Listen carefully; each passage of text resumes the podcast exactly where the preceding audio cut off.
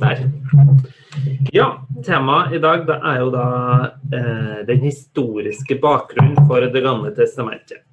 Eh, nei, for Det nye testamentet. Og det er et omfattende eh, prosjekt. Jeg har bitt meg ut på det så jeg ganske fort når jeg begynte å forberede meg, at eh, her er det snakk om eh, eh, mye, mye greier å ta tak i. Så men jeg skal prøve da å få, å få klarhet i litt her. Skal jeg se om jeg kan få vist dere denne skjermen. Ja, den historiske bakgrunnen for Det nye testamentet. Mye av det jeg eh, snakker om i dag, det er henta fra en bok som heter 'In the Shadow of the Temple', som er skrevet av Oskar Skarsaune. Så jeg prøver å holde meg til det som eh, er liksom historisk eh, og historikerne og sånn er enige om. Og så er det òg må også vite at Eh, det her er 2000 år tilbake i tid, og du har ingen kilder som, er, som har filma eller sagt nøyaktig hvordan ting var. Sånn at um, har hele tida i mente at uh, historievitenskapen den utvikler seg, og det er masse ting vi ikke vet. Så ja. Men oss må, uh, bare for å skjønne litt uh, en annen ting Hvis dere ønsker ordet, så er det absolutt lov å si noe. Da må dere eh, trykke på unmute, og så må dere rope ut. Og sånn at jeg hører dere. For hvis ikke så blir det Ja, jeg kan ikke se dere nå, dessverre. Så hvor er oss i historien hen nå?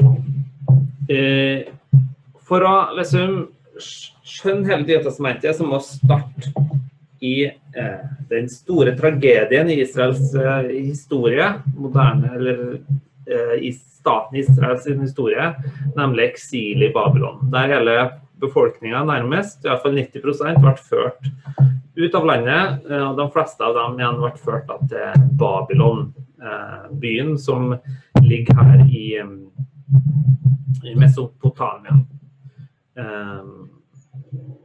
Byen som blir hele symbolet på, på verdens sitt, sitt, opprør mot Gud, eh, på sett og vis. Um, og det her fra 538 da, til 333 så sier jo han her kong Kyros, perserkongen, at jo, Israel skal få lov til å dra tilbake til, til Palestina, det landet de kommer fra, eller Kanans land.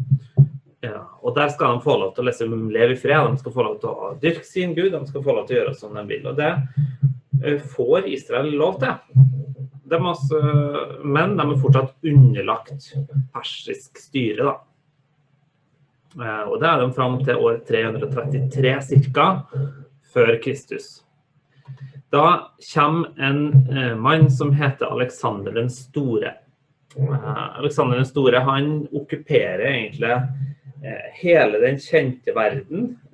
Da snakker vi om et rike som strekker seg fra India til Spania. Eh, det bildet dere ser til høyre der, det er ikke Det er ikke det er Romerriket, det er ikke Aleksander den store sitt greske imperium. Vi skal komme tilbake litt til Aleksander den store sitt prosjekt etter hvert, men nå bare får oss et lite overblikk over historien. Altså Fram til 67 før Kristus da, så ligger, eh, ligger Israel, eh, staten Israel under gresk kontroll. Og mer eller mindre fritt i den perioden. Og Så kommer romerne og tar over i 67 før Kristus. Og så um, For de tar da over hele det her greske imperiet. Og så og kontrollere. Da. Og da snakker vi om et rike som består fram til nesten 500-tallet. Um, vasallstaten, som det heter Israel, en kollapser egentlig i løpet av uh, perioden 70 år etter Kristus, når, uh, når tempelet blir ruinert uh, og ødelagt, og fram til Bar Koppa-opprøret, som er sånn 135 etter Kristus da kollapser altså sånn, I løpet av de første to århundrene eh, i vår, eh, etter Kristus så kollapser egentlig hele staten Israel. Eh, som, som en vasallstat òg. Jeg skal snakke om eh, den historiske bakgrunnen for Det nye testamentet ut fra tre områder. Det er det religiøse, så er det det politiske, og så er det kulturelle. Og Det er absolutt det kulturelle og det religiøse som vi kommer til å legge mest vekt på. Og veldig mye av det her kommer til å være kjent stoff, så jeg kommer til å trenge litt hjelp på en måte til at dere stiller de interessante spørsmålene som kanskje ligger litt sånn under det her. Og jeg har tre stykker i rommet her òg som kan hjelpe med det, og stille spørsmål. Um, så vet vi det. Men jeg skal starte da, med å snakke om det kulturelle. Eh, det som er godt er at vi lever nå i en tid, eller nå er vi tilbake til det første århundre, med to sterkt motstridende kulturer som, eh, som eh, israelitter, jøder, kristne, Jesus, alle sammen navigerer i. Eh, til venstre her så ser vi et bilde på den helenistiske kulturen. Her ser vi Aristoteles og, og Platon, eller Sokrates, som, og, eh, som har en samtale og ser, ser hele den greske filosofien, alt, alt det greske som ligger bak der. Og så ser vi tempelet da, i Jerusalem på høyresida. Og der forstår jeg at eh, hele, hele, Bibelen er skrevet inn i to forskjellige kulturelle kontekster. Eller hele Nye testamentet er skrevet inn i to forskjellige kulturelle kontekster som tidvis overlapper og tidvis eh, er litt forskjellige. Det, det, er, det, er noe som må huske når vi leser Bibelen. Um, jeg må snakke om helinismen. Eh, hellenisti, det er jo da der også har ordet Hellas fra. Det er da en gresk kultur. Og det eh, kjenner det, Helenismen brukes som begrep for perioden 323 til 30 år før Kristus, egentlig. Eh, 323 det er det året Aleksander den store dør. Da har han lagt under seg hele den kjente verden, han er verdens store hersker. Og så dør Aleksander den store nokså ung eh, etter dette prosjektet. Og eh, mens perserne, når de okkuperte hele verden, så okkuperte de, og så lot de alle sammen få lov til å holde på som de sjøl ville. Så var det helenistiske prosjektet annerledes. Her var det snakk om en, en enhetskultur. Ja. Eh, der det var en gresk kultur som fikk innslag av orientalsk kultur. Og med orientalsk kultur så mener jeg da det som var i eh, type Egypt, som ble underlagt eh, eh, grekerne, eller i eh, Babylon, eh, persisk kultur, eller eh, og israelsk, israelsk kultur. Det var et gjennomgripende kulturelt prosjekt, og det, må, det er viktig at vi vet når vi leser Bibelen, at Eh, helenismen det var en bevegelse, et tankegods som prega hele dette området. Aleksander Alexander den store og hans etterfølgere de har en tanke om at hvis vi har felles språk, felles sjanger, felles regler for utdanning og opplæring, så, så skapes en ny og bedre verden. Og skal sivilisere hele denne barbariske verden. Og det er her ordet barbar dukker opp, som, eh, som handler om alle de her eh, outcastene, de her ut, som ikke passer inn i det her nye prosjektet. Um, og alle sammen må bare finne seg å tilpasse for å være en del av det. Uh, det her er ikke et slags sånn voldelig opplegg, men, men de begynner på en måte å legge en del regler for hvordan samfunnet skal fungere.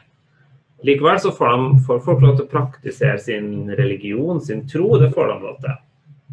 Og grekerne, til tross for at de på en måte, eller helenistene, til tross for at de på en måte kom med en helt sånn ny, nytt tankegods og ny æra, og har en tanke om at det også er det nye, representerer den nye verdensorden, så har de veldig sånn respekt for, for eh, det gamle. De har en ærefrykt for det.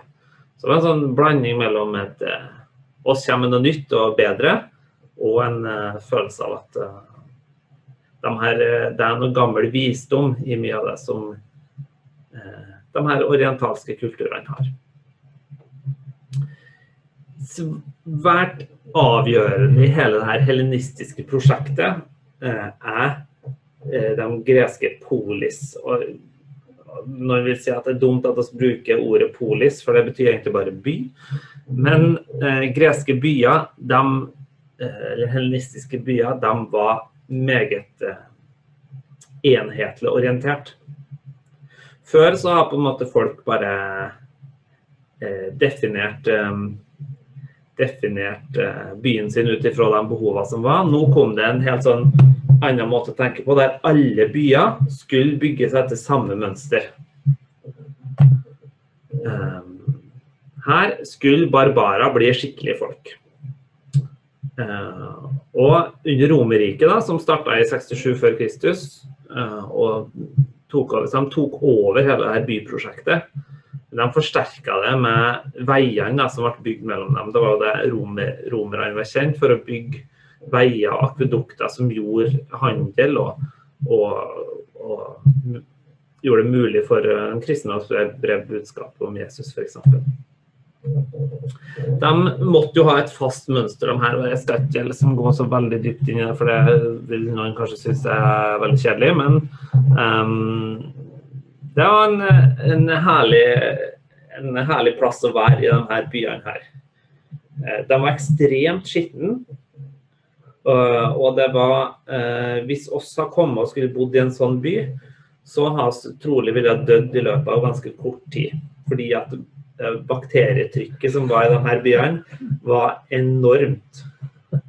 og det vil dere se etter hvert når jeg begynner å fortelle om hva, hva som var litt inni her. Det var noen ting som de måtte ha. De måtte ha det såkalte Agora, som var Trondheim Torg. Eh, altså ikke Trondheim Torg ute på plassen. Hvis du plusser på det med Facebook og, eh, og eh, NTNU-kantina Um, og alle sånne plasser der eh, tanker og ideer utveksles og sånn, og handel foregår, det var agoraen, det var sentrum. Når vi hører om um, Paulus, som da besøker en del av de her greske byene, Eh, Tessalonika, Korint, Aten og, og Rom og, og, og, litt sånn, så hører vi at eh, når jeg er i Aten, så går han først til synagogen, og så går han på agoraen, eller sentrumet. Eh, markedsplassen. Der starter en samtalen med mange. Det var der du gikk for å få oppmerksomhet. Ja. Så måtte du ha et teater teatret. Det var en, en kjapp introduksjon. Det var ofte meget sånn groteske fortellinger som ble sagt der. Noen har kanskje hørt om Ødipus og, eh, og sånne historier. Det, det, historier som ble fortalt der, de ble gjerne fortalt med en sånn tanke om at eh, dere skulle kjenne hvor, hvor går grensen. Så de var gjerne ganske brutale, men folk skulle skjønne at eh, altså det var en slags sånn opplæring av at uh, sånn skulle dere ikke gjøre det, for da går det dårlig. Um, ja, men ganske sånn um, Game of Thrones-aktige ting kunne foregå der, skulle du si. Um, så hadde vi da rådhuset, og så hadde vi noen romerske bad. Um, romerske bad, sies det. For de her kom gjerne på slutten av eh, Det var, det var vanlig i, eh, i helenistiske perioder, men spesielt under romersk tid så ble bada veldig eh, bra. Og det her er det her er arkitektur i verdensklasse. Her snakker oss De her bada de var altså de var genialt konstruert med der, der, du var, det var jo egentlig bare ei stor badstue, men under der igjen så, så strømma det vann hit og dit, og eh, der kokte kokte litt vann. Det var ja, et enormt eh, apparat rundt det her. Så var det templer til gudene, og litt forskjellig da, hvilke eh, guder som eh, ble dyrka i de forskjellige byene. Um, og så har du gymnasiumet, som var på en måte en blanding mellom skole, en skole og et treningssenter. I tillegg da, så burde du ha et eh, bibliotek, en sportsstadium, som eh, folk eh, kjemper på, eller eventuelt som de har muligheten til å eh, drepe litt kristne på under keiser Neros tid, f.eks. Var en fin mulighet til å samle folk til å se på at kristne ble drept av løver og sånn. Um, eller en hippodrom, som da var en sånn plass eh, der du utøvde hestesport. ja. Eh, men hele, hele dette her bylivet som da kommer inn på denne tida, her, det, det manifesterer en slags ny livsstil. En livsstil der kunnskap og nytelse står høyt opp. Eh, og Det er det som er litt interessant med hele denne tida her, at um, alt sammen er prega av et dualistisk tankegods. Uh, og det kan mange kjenne seg igjen i nå. at liksom, Eh, når jeg sier at mennesket består av kropp og så sjel. Du har eh, en, eh, du har en kropp, men du er på en måte altså Den du egentlig er, det, er, det har du inni deg. Det er inni sjelen din, det er din person, liksom. Og det, det her tankegodset ble veldig utprega av gresk filosofi sånn et par Snakker oss 300-400-tallet før Kristus og, og perioden framover. Som på ene sida Og det her er litt sånn spennende. På den ene sida var det en veldig sterk nedgradering av kroppen. Kroppen det var et arbeidsredskap, det var til nytelse og, og fest og, og sånn, men, men, egentlig så var den verdt noe. Du har en kropp, du er ikke en kropp. Da så er det liksom sjelen, det er det viktige. Når du dør, så går sjelen noen har jo en mer sånn uh, tanke om en reinkarnasjon, f.eks. At da blir sjelen reinkarnert i en ny skapning eller noe sånt. Um, sånn at uh, det er litt um, Ja. Men til tross for at de egentlig har et veldig lavt syn på kroppen, så var de også ekstremt kroppsfokusert. Det dere ser til høyre der, det er en statue som er fra, fra tid før Kristus. Det er en det, hvis, hvis, dere ser, så er de ekstremt eksplisitt og opptatt av kroppens detaljer. Dere ser han, eh, Mannen er veldig muskuløs, og hun, dama Dere ser ikke henne så godt, da, men, eh, men de framheves gjerne veldig det kroppslige. Til tross for at de da syns kroppen egentlig ikke er så viktig. Men kroppen får veldig fritt spillerom i badehusene der menn og kvinner gikk naken sammen, sportsarenaen, der menn gjerne kjempa naken. Eh, offentlige latriner de har gjerne latriner, eller do, da, der det kunne sitte et ja, 50-talls mennesker på do samtidig. Så det var en uh, veldig fin plass for uh, den som ønska å få siste nytt. Eh, og det er ing ingen blanding på kjønn. Her var det alt sammen. Um, og ikke minst i tempeler. I tempeler der kunne de ha litt uh, orgie, eller de kunne liksom ligge med en tempelprostituert eller litt sånn. En um, tradisjon som, stem, nei, som, som var prega gjennom hele det gamle Østen. da. Det og tempelprostitusjon det var egentlig noe som uh, israelittene var litt sånn uh, alene om å forby. Med mange unntak, så klart. Så kroppen har altså en veldig sånn dobbelthet. Den var ubetydelig, men likevel så har vi et ekstremt fokus på. Um, ja. Og det er klart det her var veldig krevende for jøder å skulle navigere i.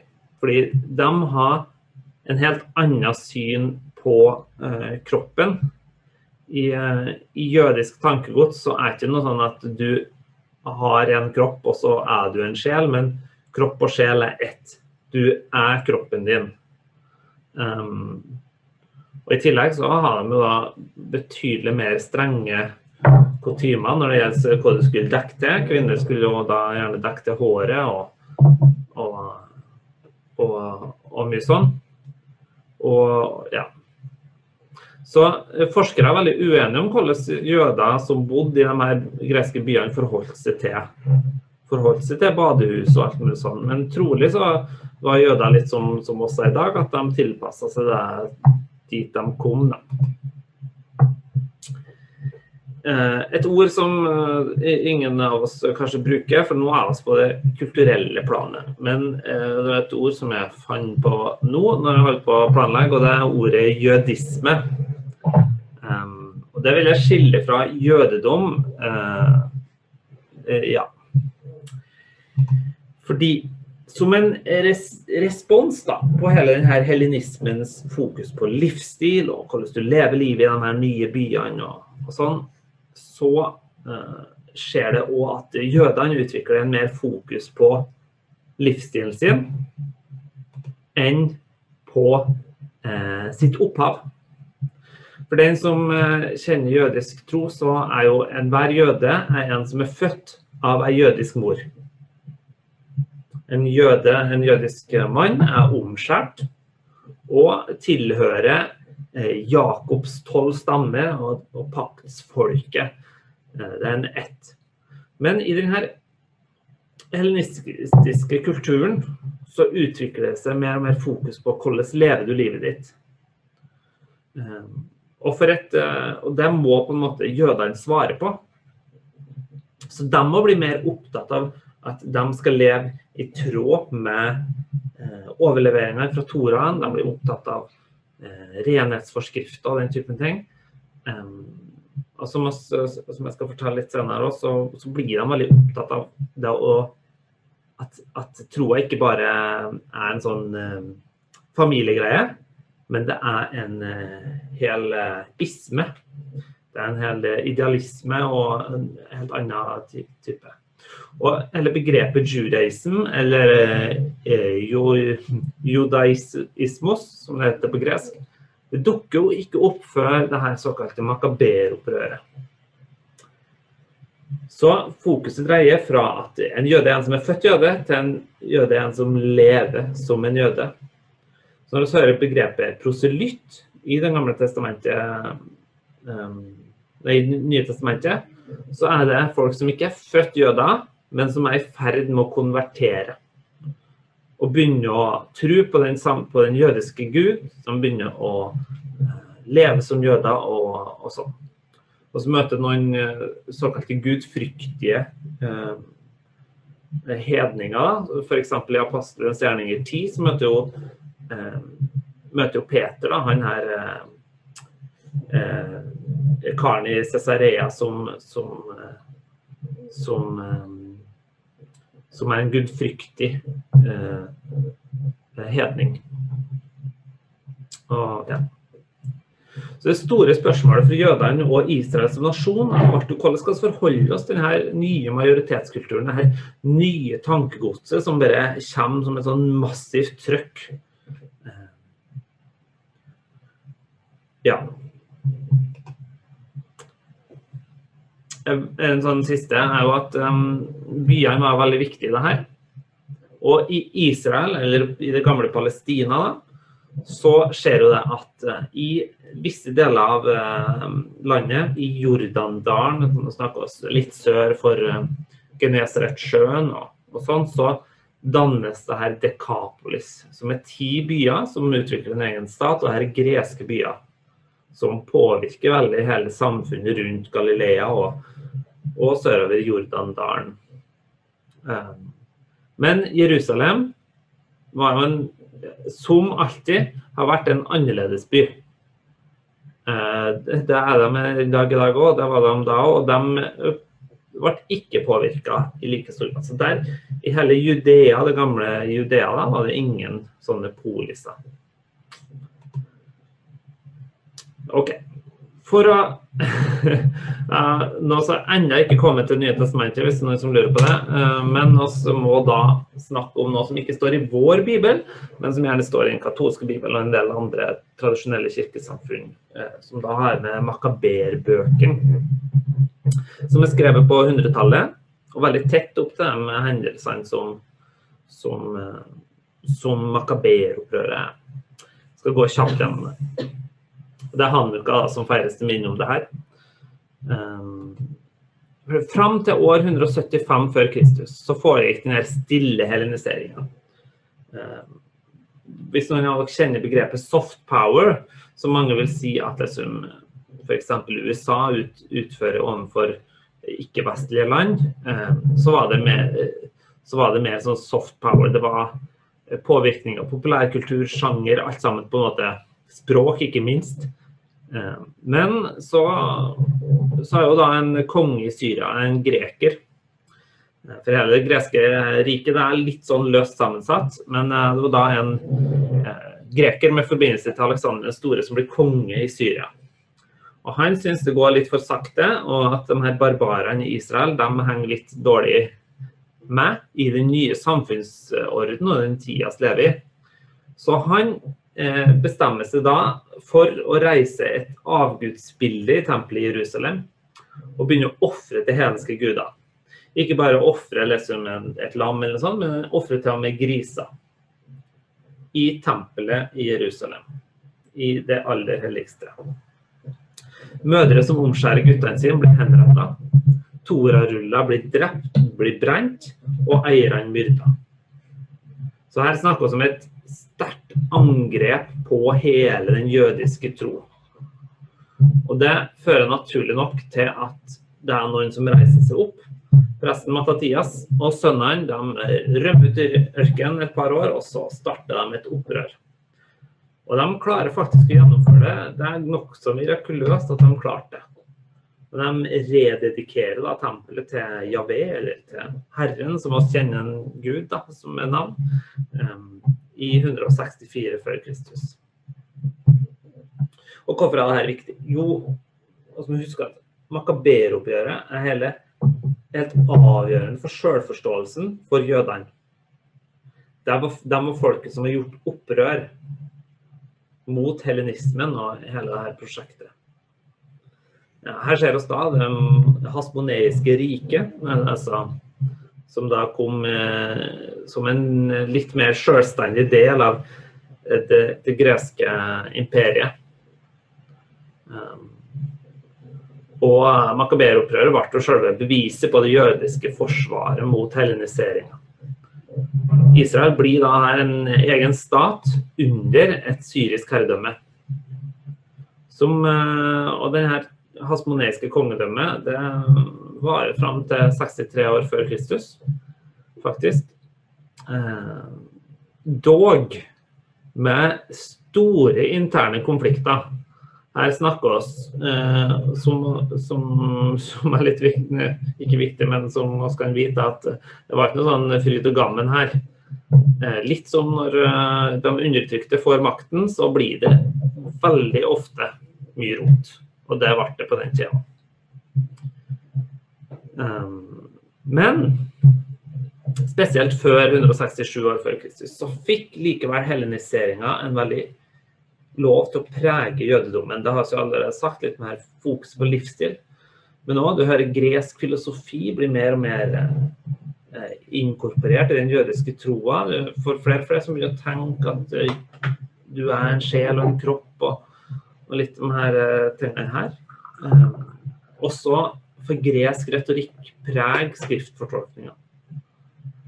Men de var ekstremt opptatt av, både før og etter eh, Makaber-opprøret at eh, den nye verdensordenen ikke skulle gå på bekostning til kjernen i den jødiske troa. Og så må vi huske at eh, de var på den tida som nå eh, meget kompliserte skapninger. Så det var noen var jo selvsagt konservative antihelenister som kjempa mot den nye måten å tenke på. Mens noen var liberale som tenkte at her må vi bare tilpasse oss det som skjer. Um, men Og nå kommer vi til det siste, liksom, store kulturkrigen. Um, så skal jeg få stille dere et spørsmål i gruppene etterpå. For uten Makaber-opprøret i 160, eh, på 160-tallet før Kristus, så ville trolig jødedommen stille blitt assimilert inn i den helenistiske kulturen og blitt stående som en av de andre forhistoriske orientalske religioner. Det skal også være klar over at det var i ferd med å utrydde hele den jødiske tro. For eh, de fikk jo gjerne lov til å beholde trua si i Egypt og, og Babylon og alt mulig sånn, men til slutt så var det ikke igjen noe. Et par hundre år og gikk, og så, og så var det ingen som trodde på de eh, gamle gudene i Egypt, de gamle gudene i Mesopotamia.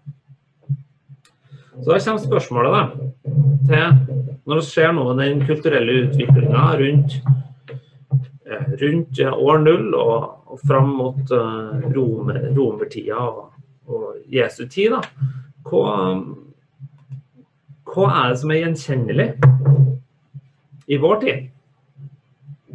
Det er spørsmålet til gruppa. Religion. Og, så hopper jeg rett inn i den hedenske religionen. Den skal jeg si lite om. Um, her ser det igjen uh, de her filosofene. Det var fordi jeg ikke uh, fant ha tid til å finne et bedre bilde. Um, men også må huske at Alexander store, den store sitt prosjekt var jo egentlig at alle sammen skulle få lov til å ha sin religion. Um, det igjen ført til en såkalt synkretisme. At det ble liksom påvirkning begge veier. Uh, sånn at uh, når det snakker om gresk, greske guder og sånn, og romerske guder, så er det ikke sånn at de oppsto i et slags vakuum. Der de satt på sin satt oppå Akropolis og liksom oppdaga at å ja, det er Hades og Artemis og eller hele denne pakka her. Nei, de var en god blanding av egyptisk religion og alt mulig. Så her snakker vi oss fullstendig kaos, og kaos i hver by. Det er altså en klassisk eh, politistisk eh, religion med guder fra hvert område. og alt sånt, og Det, det er nokså uoversiktlig. Uh, selv om uh, kanskje gudene virker veldig oversiktlige når vi hører om det på videregående. og sånt. Men um, ja. Men eh, hvis man har lyst til å Det som var enda mer oversiktlig, var jo, uoversiktlig, var jo at tempelkulten det var en veldig viktig del av det sosiale liv. Eh, men der kunne det både være orgier og fester, det kunne være alkohol og mat og alt mulig og, eh, i de her templene. Um, noen, noen sånne eksempler er jo, sånn fra populærkulturen er jo uh, 300. Uh, det er jo ei god, god, historie for, for, grekere. Det handler om Nå glemte hva den heter. Sparta, ja. Sparta-krigerne. Og der eh, ser vi litt av den her eh, religionsutøvelsen som ikke bare er liksom som sitte pent på kirkebenken og be, men der er det alt, er hele kroppen involvert. Um, så, men, men, egentlig så tar ingen av forfatterne i Nye testamentet det her så veldig på alvor. Uh, de forholder seg egentlig ikke så mye til, det her. så Paulus refererer jo da til praksisen med offerkjøtt og prøver å liksom eh, navigere i det landskapet. Men de tar veldig stor avstand fra det som foregår der. Uh, Selv om han uh, da sier at uh, de, de tilber guder som ikke finnes. Men du skal likevel holde litt unna det her mørket som, som de representerer. Så, ja. så Derfor så velger jeg mest fokus på den jødiske tro. og ja, det er ikke mye lettere å få oversikt der, altså. Det må, må jeg dessverre Men fordi at det er en sånn saying da, om, om uh, jøder, at der det er to jøder, er det tre meninger. Uh, og Det vil dere gjerne oppdage at uh, hvis dere drar til Israel, og de har jo hatt en forbløffende evne til å ta vare på sin kultur og, og sånn, jødene. Og nå er det høylytte diskusjoner som, eh, som får den minste konfliktsky trønder til å krympe seg. Altså, for det, ja, her er det Det går frist for seg. Og det skal vi vite at uh, på Jesu tid så var det ikke sånn at uh, de alle var enige. Det var en debattgruppe Det var sånn at de diskuterte hva hele trua handla om. liksom det her ja, men hvordan, hvordan fortolker oss denne passasjen fra tredje Mosebok inn i vår tid nå? Hvordan forholder oss til det? Det var hele tida denne eh, stor debatt og, som skjer med Jesus. Og han går gjerne i debatt, tydelig debatt med både skriftlærde og, og fariseere. De kunne jo både være begge deler. Men det var to ting som de var ekstremt og det var tempelet og Toraen. Toraen, da, som er eh, Mosebøken, eller Pentatauken som det nå heter.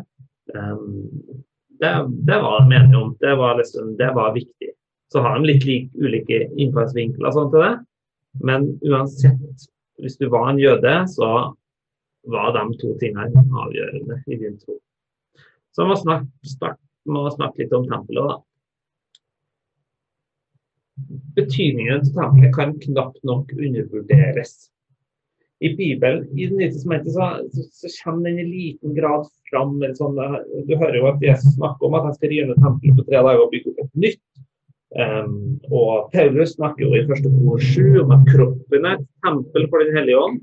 Uh, husk, uh, husk, at der snakker vi inn i en, en, kultur som nedgraderer kroppen.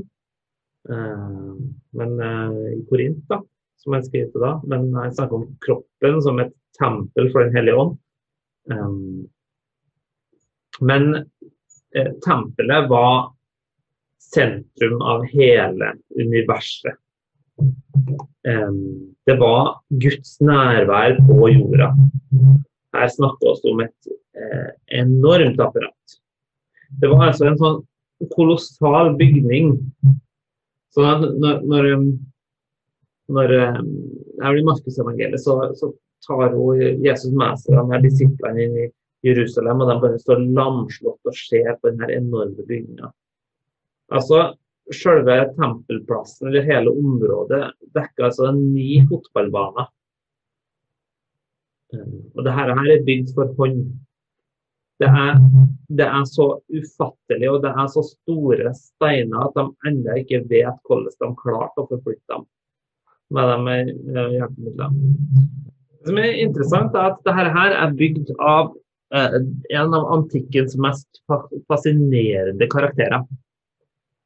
Som heter kong Herodes den store. Eh, I Bibelen så står det mye om Herodes. Eh, men i Bibelen så snak, så når det står Herodes, så kan det være en av fire Herodeser. Men det her er han kong Herodes som, eh, som prøvde å drepe Jesus i, i Matteus 2. Um, han eh, var eh, besatt av eh, store prosjekt. Og eh, interessant nok da, så valgte han eh, en skikkelig helenistisk byggestil. Når han da eh, i år nå snakkes vel år 40 før Kristus bestemmer seg for å Nei, år 20 før Kristus bestemmer seg for å bygge om hele det her tempelet. Um, så, eh, og han eh, gjorde seg jo veldig populær blant jødene med det.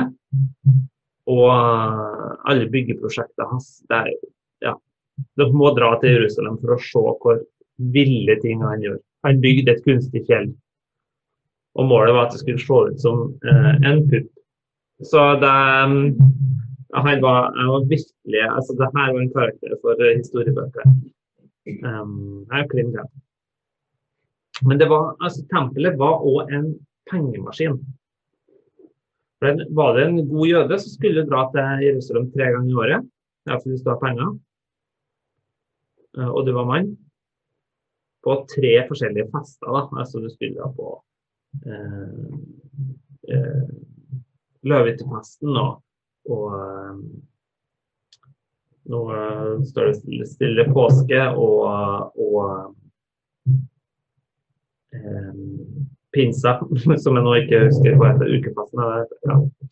Um, sånn at eh, Og da måtte du dra dit, og så måtte du gjerne kjøpe noe ofre. Uh, det var mye penger i det, for at du gidder ikke å ta med deg en lytefri vær helt fra uh, Jeg vet ikke hvor du bodde, men kanskje bodde du i Korint. Da, da er litt mye å ta med seg en sau hele veien.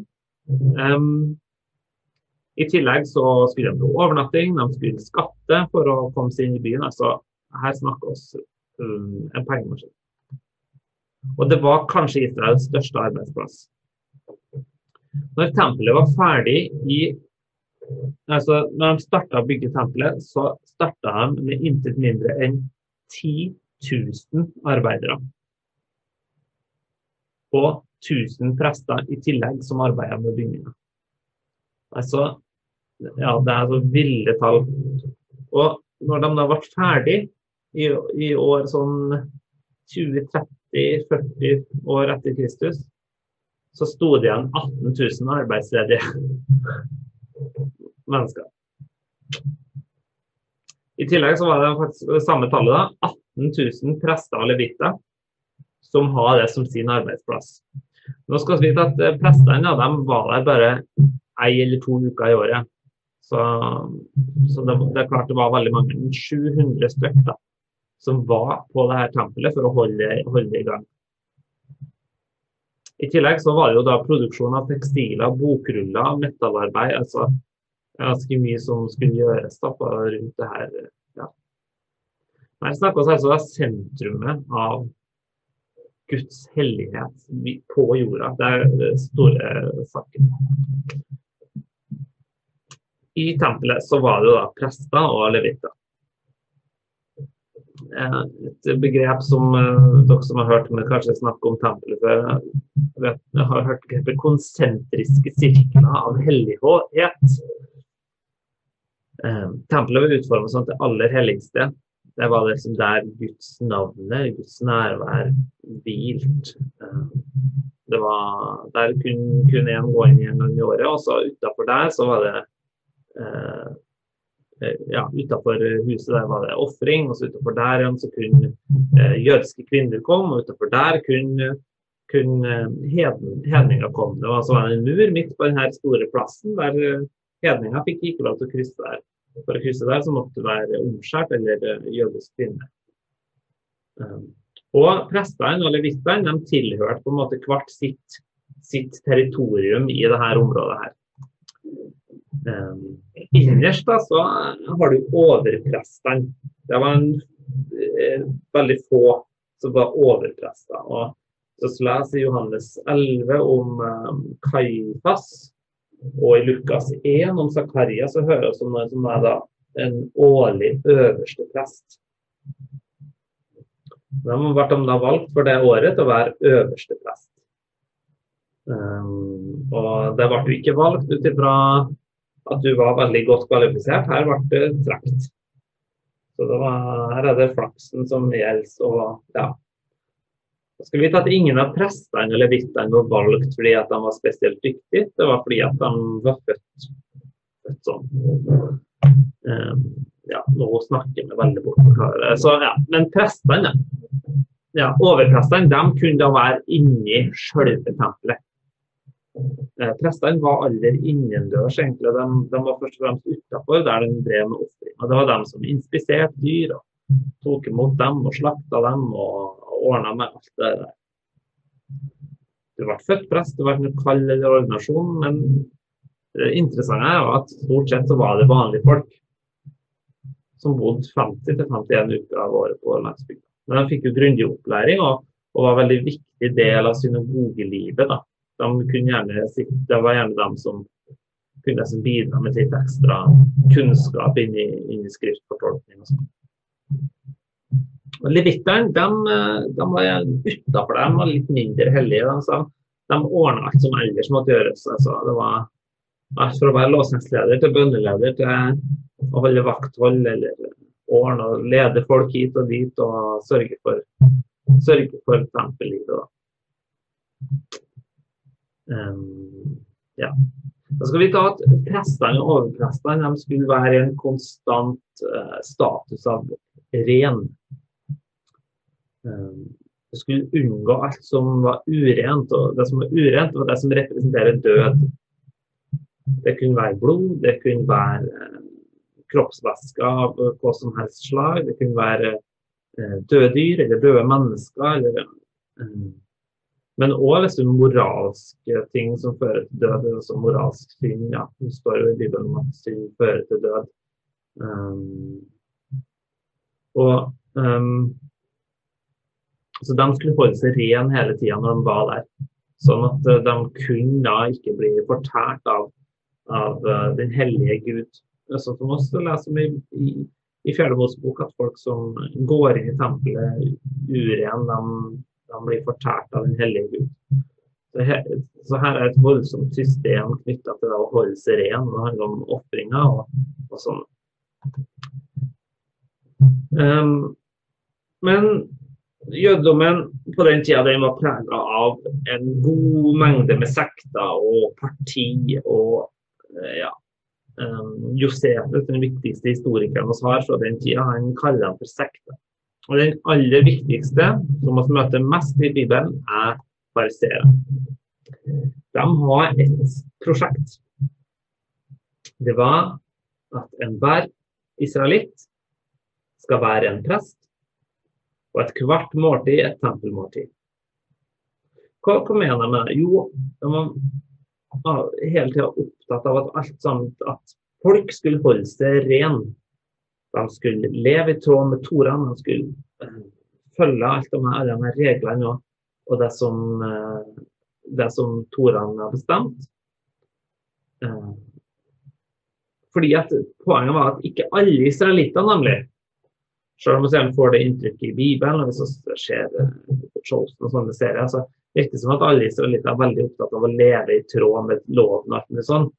Men veldig mange tenkte sånn ja, det der Toraen og spesielt Tredje Mosebok sånn, det er for dem som helter i tempelet og Jerusalem, og kan leve litt mer som oss vil. Men eh, fariseerne ville da holde enhver israelitt i en ren tilstand. Så har de en, eh, en saying at de skulle bygge en mur rundt loven. Så da har de en del egne overleveringer som skulle sørge for at ingen på noe som helst tidspunkt kom en gang i fare for å bryte loven.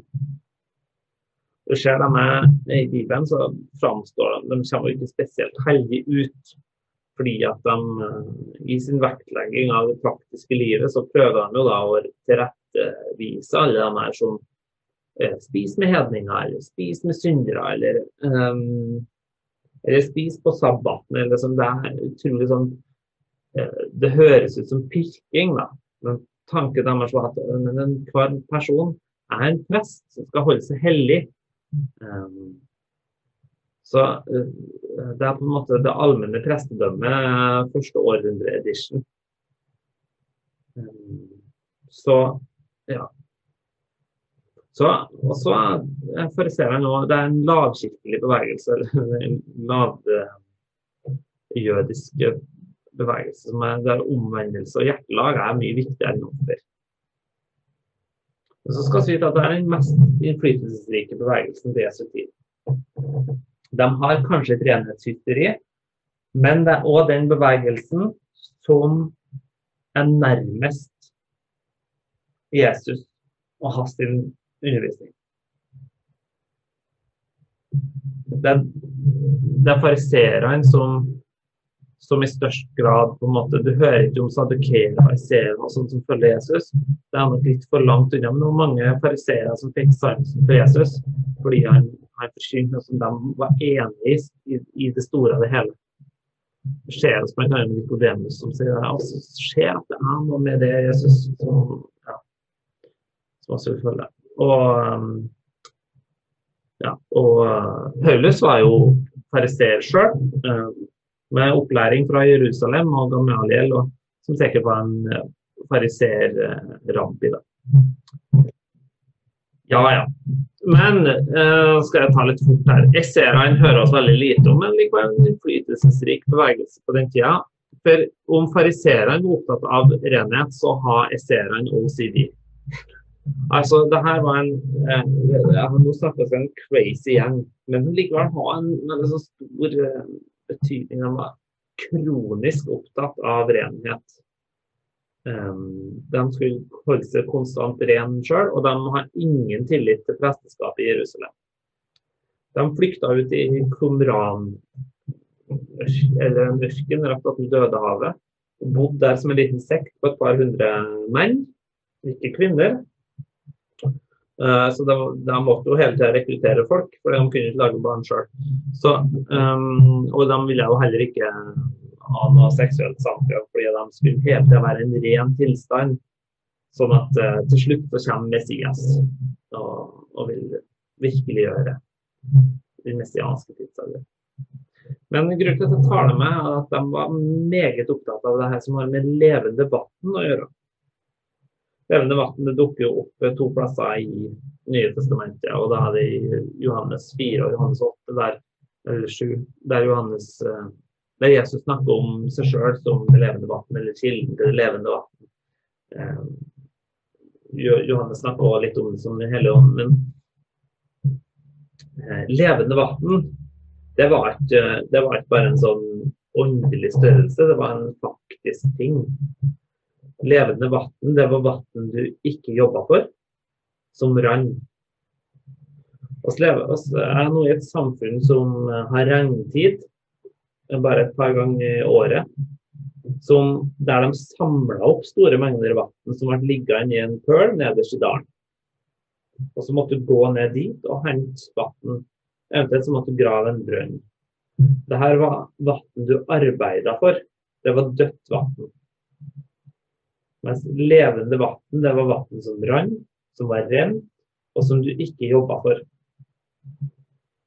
Ironisk nok, da, så setter esseerne i gang et apparat ut av en annen verden for å sørge for at de konstant har tilgang til levende vann. For levende vann er ifølge liksom Bibelen og, og ja, eh, litt kreativ fortolkning av Bibelen nå, kanskje, det eneste som på en måte kan rense det. Og en del eh, hevder på en måte at eh, Johannes, døperen, han eh, er sterkt påvirka av seerne og den levende vanntankegangen som gjør at han starter hele denne dåpsbevegelsen av å rense folk for deres synder og omvende dem. Det at han beskrives som han har på kamelhår og spiser gresshopper og honning er en sånn tegn på at han kanskje, om han ikke var en del av serien, så var han, ja, var han kanskje inspirert. Men Munkebevegelsen her hører ikke så mye om i Bibelen, men den, den ligger bak og presser på.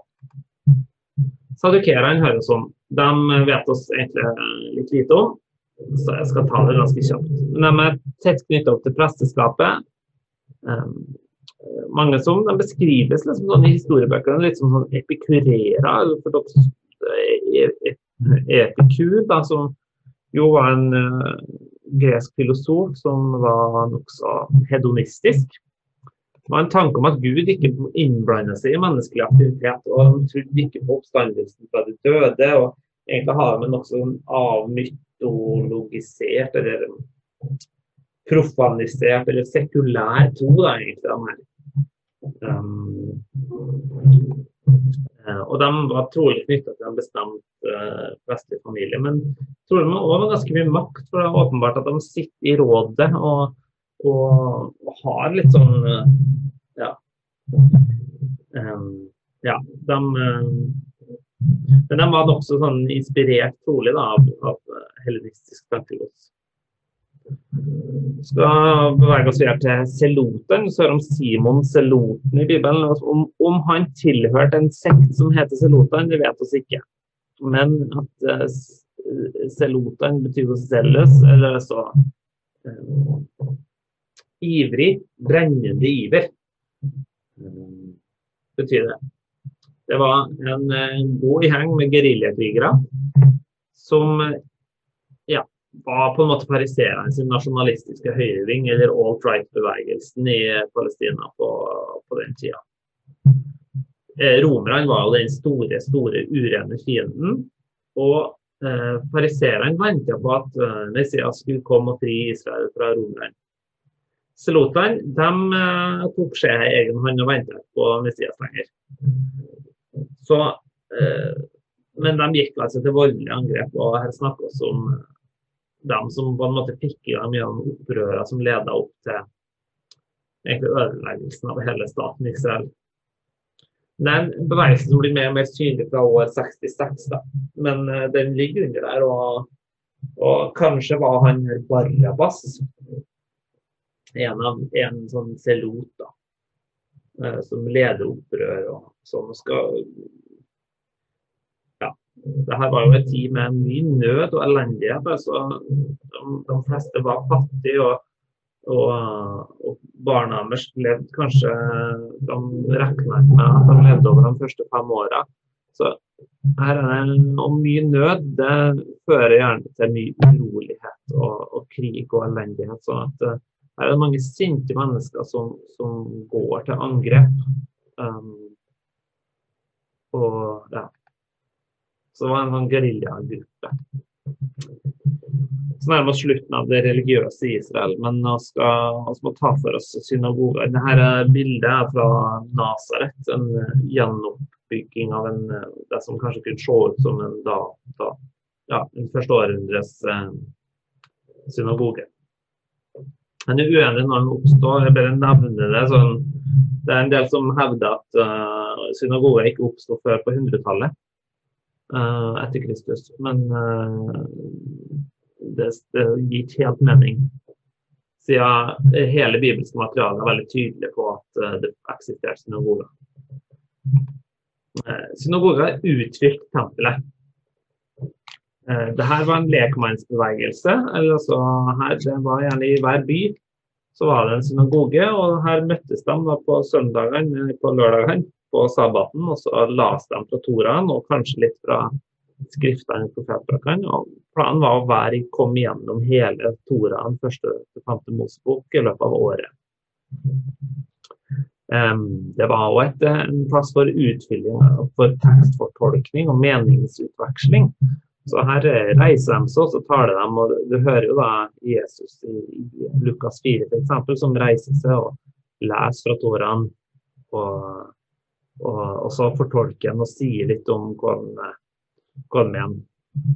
Og Trolig så vet de da at, eh, at eh, han her han har kanskje fått litt opplæring, han kan iallfall lese. og det, altså, Da lytter du til en person som kan lese, for da han har fått opplæring. Um, ellers så var prestene, uh, som jeg sa, de var jo gjerne gjerne De var jo gjerne i, i tempelet bare en, en, uke i året eller to. Så at de bodde da i denne byen og var gjerne med og, og, og fortolka teksten. Og, og noen av de prestene tilhørte jo på en måte fariseersekten og den bevegelsen, så de var jo med i det her livet da, som skjedde. Men tempelet var jo et uttrykk for ritualer, ofringene og det hellige. En enorm bygning med, som var mektig å se til stor utsmykning. Men synagogen det var enkelt og rent. Her var det bønnene og skriftene som tærte. Her var ingen utsmykking eller noe sånt. En siste ting, og det skal også være kjapp altså det snakker jo da gjerne om greftalende gresktalende jøder eller gudfryktige hedninger eller proselytter og, og sånn. En proselytt var en som har helt eller delvis konvertert til jødedommen fra en annen, en annen eh, etnisk opprinnelse. Da. Um, og jøder i diasporaen, så er en annen gruppe som er gjerne gresktalende jøder. Men det her er jøder som er fødte jøder, men de er ikke vokst opp i Israel. Um, de, ja, ja Apostelens gjerninger dukker veldig ofte opp. De er ofte veldig konservative og radikale, både proselyttene og jødene i diasporaen. Spesielt de som har flytta til Jerusalem. og og de leder jo, Trolig er det dem som, som starter hele opprøret mot Stefanus og steining av han i apostelens gjerninger. Um, ja, fordi at De har jo ofra veldig mye da, for å komme til Jerusalem for å være nær kilden. Og så kommer noen og sier at tempelet det bor inni det. Uh, du er en tempel, da, da blir de provosert. Men nesten samtlige av dem som blir kristne i apostelens gjerninger, er enten sånne proselytter gudfryktige hedninger, eller jøder i er faktisk nesten ingen som, eh, som ikke tilhører den kategorien eh, i apostelens gjerninger som blir, blir kristne. Um, så vet dere det. Mm. Jeg så litt om da, de forskjellige jødiske grupperingene og sånn. Dere skal få stille akkurat det samme spørsmålet nå i gruppa her. Enda som er gjenkjennelig i vår tid. Har du noen spørsmål? Det der blir ikke noe spørsmål, men det vil, eller så blir noe ja. For jeg tenkte jeg skulle liksom bare nevne litt den hele politiske situasjonen. Det, det blir veldig kort. Så jeg lurer kanskje på hvorfor blir det så kort. Jo, det er fordi at jeg ikke har tid til å ta mer. Um, at jeg ikke rakk å forberede For her kunne jeg jo snakka i evigheter. Men um, også må vi snakke litt om den politiske dimensjonen, som er da det siste temaet. Og da kommer vi å snakke om romerne. Det å skille romerne fra grekerne, det er ikke så lett nødvendigvis. De kom jo da med, med, med, latin, det nye språket, som jo er nært beslekta med, med, gresk, men betydelig forenkla. Men, men, det fikk liksom ikke sitt fotfeste, iallfall ikke i, liksom, utafor um, utafor Rom og, og, og der, før godt, godt ut i um, første, andre og tredje århundre. Så romerne var jo på en måte det nye Egentlig kan vi si at, eh, at hvis, eh, hvis, det greske imperiet besto av eh, mange forskjellige familier og folkegrupper, um, så har, har grekerne, de opprinnelige grekerne makten i Romerriket, og så kom på en måte en annen gruppe innenfor det samme og tok over. Så blir de jo en, en, egen, en egen, gruppe folk som, som da det får et nytt navn. da. Du får en, en litt ny, nytt styresett og sånn, men, eh, men, kulturelt så var det svært nært nei, uh, connecta med helenismen og sånn. Men uh, ja. Men det er jo da den store okkupasjonsmakten i verden. Um, de bygger veier og akvedukter. Altså alle veier fører til Rom. Det var de, det, var deres store prosjekt. Altså infrastruktur, det kunne de virkelig. Og um, Det hadde nok vært veldig vanskelig å spre evangeliet om Jesus hvis det ikke hadde vært for alle de her veiene som de har. Så um, um, Grekerne bygde byer, romerne knytta dem sammen. De viderefører da, mye av det helenistiske prosjektet, og så ble de enda mer glad i sånne badehus. Og så ble de enda litt uh, Ja, de starta veldig demokratisk og fint, og så gikk jo det sånn ca. skeis. Um, men uh, de utvikler da en sånn keiserkult som er veldig distinkt og, og interessant når en leser Bibelen. og spesielt når en leser historier om, om Jesus eh, på, fra, fra palmesøndag til, til, til langfredag.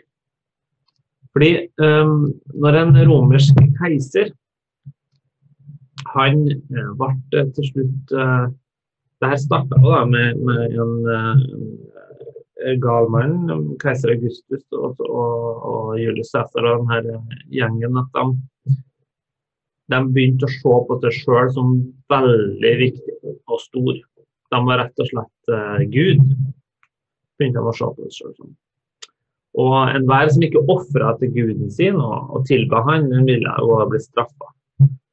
Um, um, Israel og, og, og de her eh, israelske palestinske områdene de fikk jo lov til å leve stort sett i fred, men fordi at de har respekt for den jødiske tro. Men, eh, men eh, etter hvert så blir det mer og mer krav da, om, om, å dyrke keiseren som gud. Men en av de tingene som de da gjør, er at de har en sånn inauguration ceremony, eller en tron, tronstigningsseremoni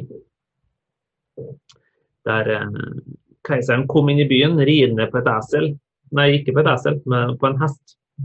De tvinger hele byens befolkning i kne. De må stå på kne helt til keiseren har blitt ført gjennom byen. Han blir kledd i krone og løfta opp foran alle sammen i offentligheten. Og så blir han innsatt igjen. Det her gjorde han flere ganger når han vunnet en krig. Han ble innsatt som konge og gud og keiser over Romerriket.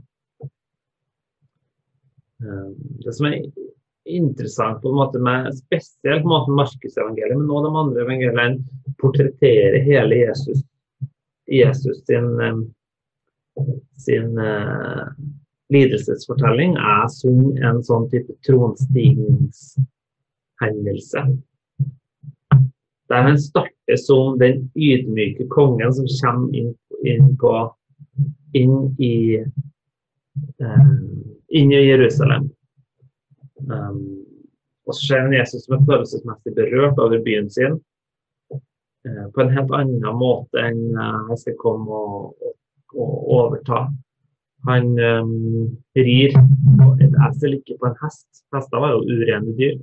Um, og han uh, blir uh, Han blir um, hylla som konge. Ikke under tvang, men frivillig. Um, og så blir han kledd i krone. Han får et tornekrone. Han blir heisa opp, men han blir heisa opp på korset. Og hele, hele evangeliet portretterer det her som en Jesus som etablerer sitt kongerike på jorda. Og når uh, Paulus skal beskrive det her i Kolossebrevet, så, skriver han jo at, at uh, Jesus kledde makta og myndigheter til spott og spe i det han viste som seierherre på korset. Og Det er det som er så interessant med hele denne fortellingen, at mens Jesus Eh, kongene heisa seg sjøl opp og opp, opp, opp til å bli Gud, og liksom framstå som noe som de ikke var, så kommer Jesus og egentlig går den motsatte veien. Han går fra hyllelsen ned i det dypeste fornedrelsen. Fordi at romerne har en sånn begeistring for det makabre som er eh, helt vill. De korsfesta noe så helt enormt mange mennesker. Og de har egne folk som er utdannet til korsfestelse. De har egne folk som, eh, Men de syntes det ble litt kjedelig å henge folk på vanlig måte, så de begynte å henge dem opp ned, og litt med foten dit og litt dit, og lagde rare kors. Um, alt sånn. Og det er jo da denne døden Jesus skal få lide. Men korset var ikke først og fremst en henrettelsesmetode. Det var en måte som en offentlig ydmykelse av dimensjoner. Du ble plassert utafor byen, sånn at folk gikk forbi og så deg inn i øynene, kledd naken til spott og spe. Og hele prosjektet til romerne var en dehumanisering. De skulle vise alle som var slaver, alle som led av undertrykkelse, at det finnes noe som er verre. Det finnes en tilstand som, som er eh, som om du er et dyr. Og det er denne veien Jesus går, da. Så han går motsatt vei av keiserkulten. Fra opphøyelsen til den dypeste fornedrelsen. Til å være lavest på rangstigen. For nå lever oss i et, her er et samfunn som har en rangstige som er veldig tydelig. Slavene nederst, og så en korsfestede under der igjen. Jesus går den veien, og så beskriver Paulus, og det er som er så interessant, han beskriver det som da der visste Jesus det som seier her på korset. Um, ja. Liten um, ja, Det er interessant at, at Markus i så stor grad benytter seg av å kommentere det romerske politikken. For det er de ikke fremmed for å gjøre.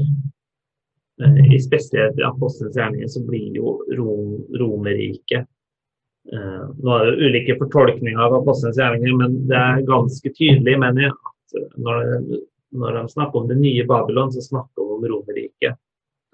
Babylon er jo i hele Bibelen eh, uttrykket for menneskets prosjekt om å bli som Gud. Om å nå opp og bli større. Og bli stor i egne øyne. Og det var jo romernes store problem var jo at de ville bli veldig veldig, veldig store, og til slutt kollapse det. Men de holdt jo, holdt jo ut i mange år, da. Ja, det var romerne. Siste. Samaritaneren. Der ser vi oss i midten av Fotini, for dere som har sett The Chosen. anbefaler dere å se den. Hvis jeg skulle sagt bare en sånn kjapp ting om The Chosen, så er kanskje det som jeg reagerer mest på som, som den mest tydelige sånn anakronisme, da, som det heter når, når, når, når, når noe portretteres som, som uh, fra en annen tid, men, men det, det, virker som om det er i dag, på måten de interagerer. Liksom. Det er ting som ikke hører hjemme i den tida. Det er kanskje måten de tenker familie på der. Um, de prøver å få det litt fram, men det var nok mange mange flere gamle, gamle folk og, og barn og alt mulig rundt omkring overalt. Og, um, og et mye sterkere skille mellom damer og menn enn det som ikke kommer fram i Budsjotten. For der snakker, snakker jo Jesus med veldig mange damer som til og med ikke håret. og det, um, det ville vært mer sjokkerende enn det framstår i denne serien. Uh, når det er sagt, samaritanerne Fotini, som hun heter der i den serien, som er en uh, gammel ortodoks tradisjon, uh, at hun heter Fotini. Ifølge legenden for hun etter det her til Spania og forkynte evangeliet. Eller var det Nord-Afrika? Nå ble litt usikker. Men samaritanerne de var opprinnelig jøder. Men de var jøder som ble igjen under eksilet i Babylon. Dette er da nord, de fra Nordriket, som det heter da, eller Israels, Israelsriket, som det heter da i um, ja, Nå glemte jeg hvilken bok det står skrevet. Ja. Eh, det er ikke så farlig. Men eh, snakkes da 500 år tilbake i tid. Um, og eh, da tenkte jo da babylonerne som okkuperte dem, at oss eh, sender inn litt persere, og så blande oss dem litt. Så eh, samaritanerne ble et sånt blandingsfolk. Og de har egne versjoner av skriftene. Og Garisimfjellet, som det hellige fjellet, så hører liksom Eh, I Johan, eh, Johannes 4 så hører vi denne eh, diskusjonen mellom den samaritanske kvinna ved brønnen og, og Jesus. Og, og hun, hun, protesterer jo veldig på det her med at dere tror jo liksom at det er Jerusalem som er greia, men også vet at det går i Sim. Og så har de en stor diskusjon på det. Og så er Johannes nokså nøye med å nevne at det er Jesus og jøder som har rett. Um, men ja, så, men altså Likevel en sånn søskenfolk, men de var kjent som urene. Og spesielt fordi at de var kjent for dem som svikta. De var ikke med og kjempa i makaberopprøret. Hvorfor? Koffer de fikk nok kanskje være litt mer i fred, da, en liten bevegelse. Altså, det finnes noen samaritanere i dag òg som opprettholder, som opprettholder de gamle tradisjonene. Minimal sekt.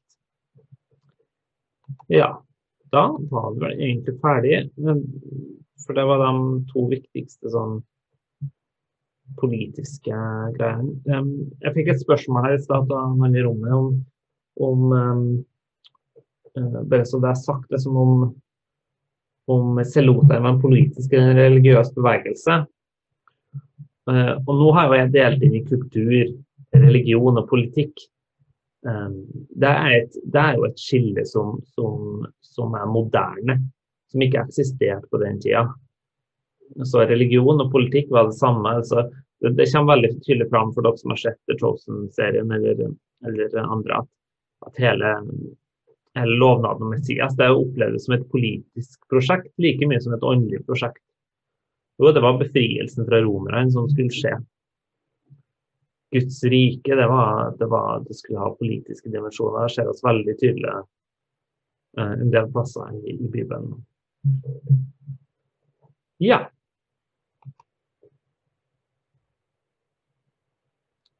Spørsmål? Tanker? Nå har jeg holdt på lenge, så nå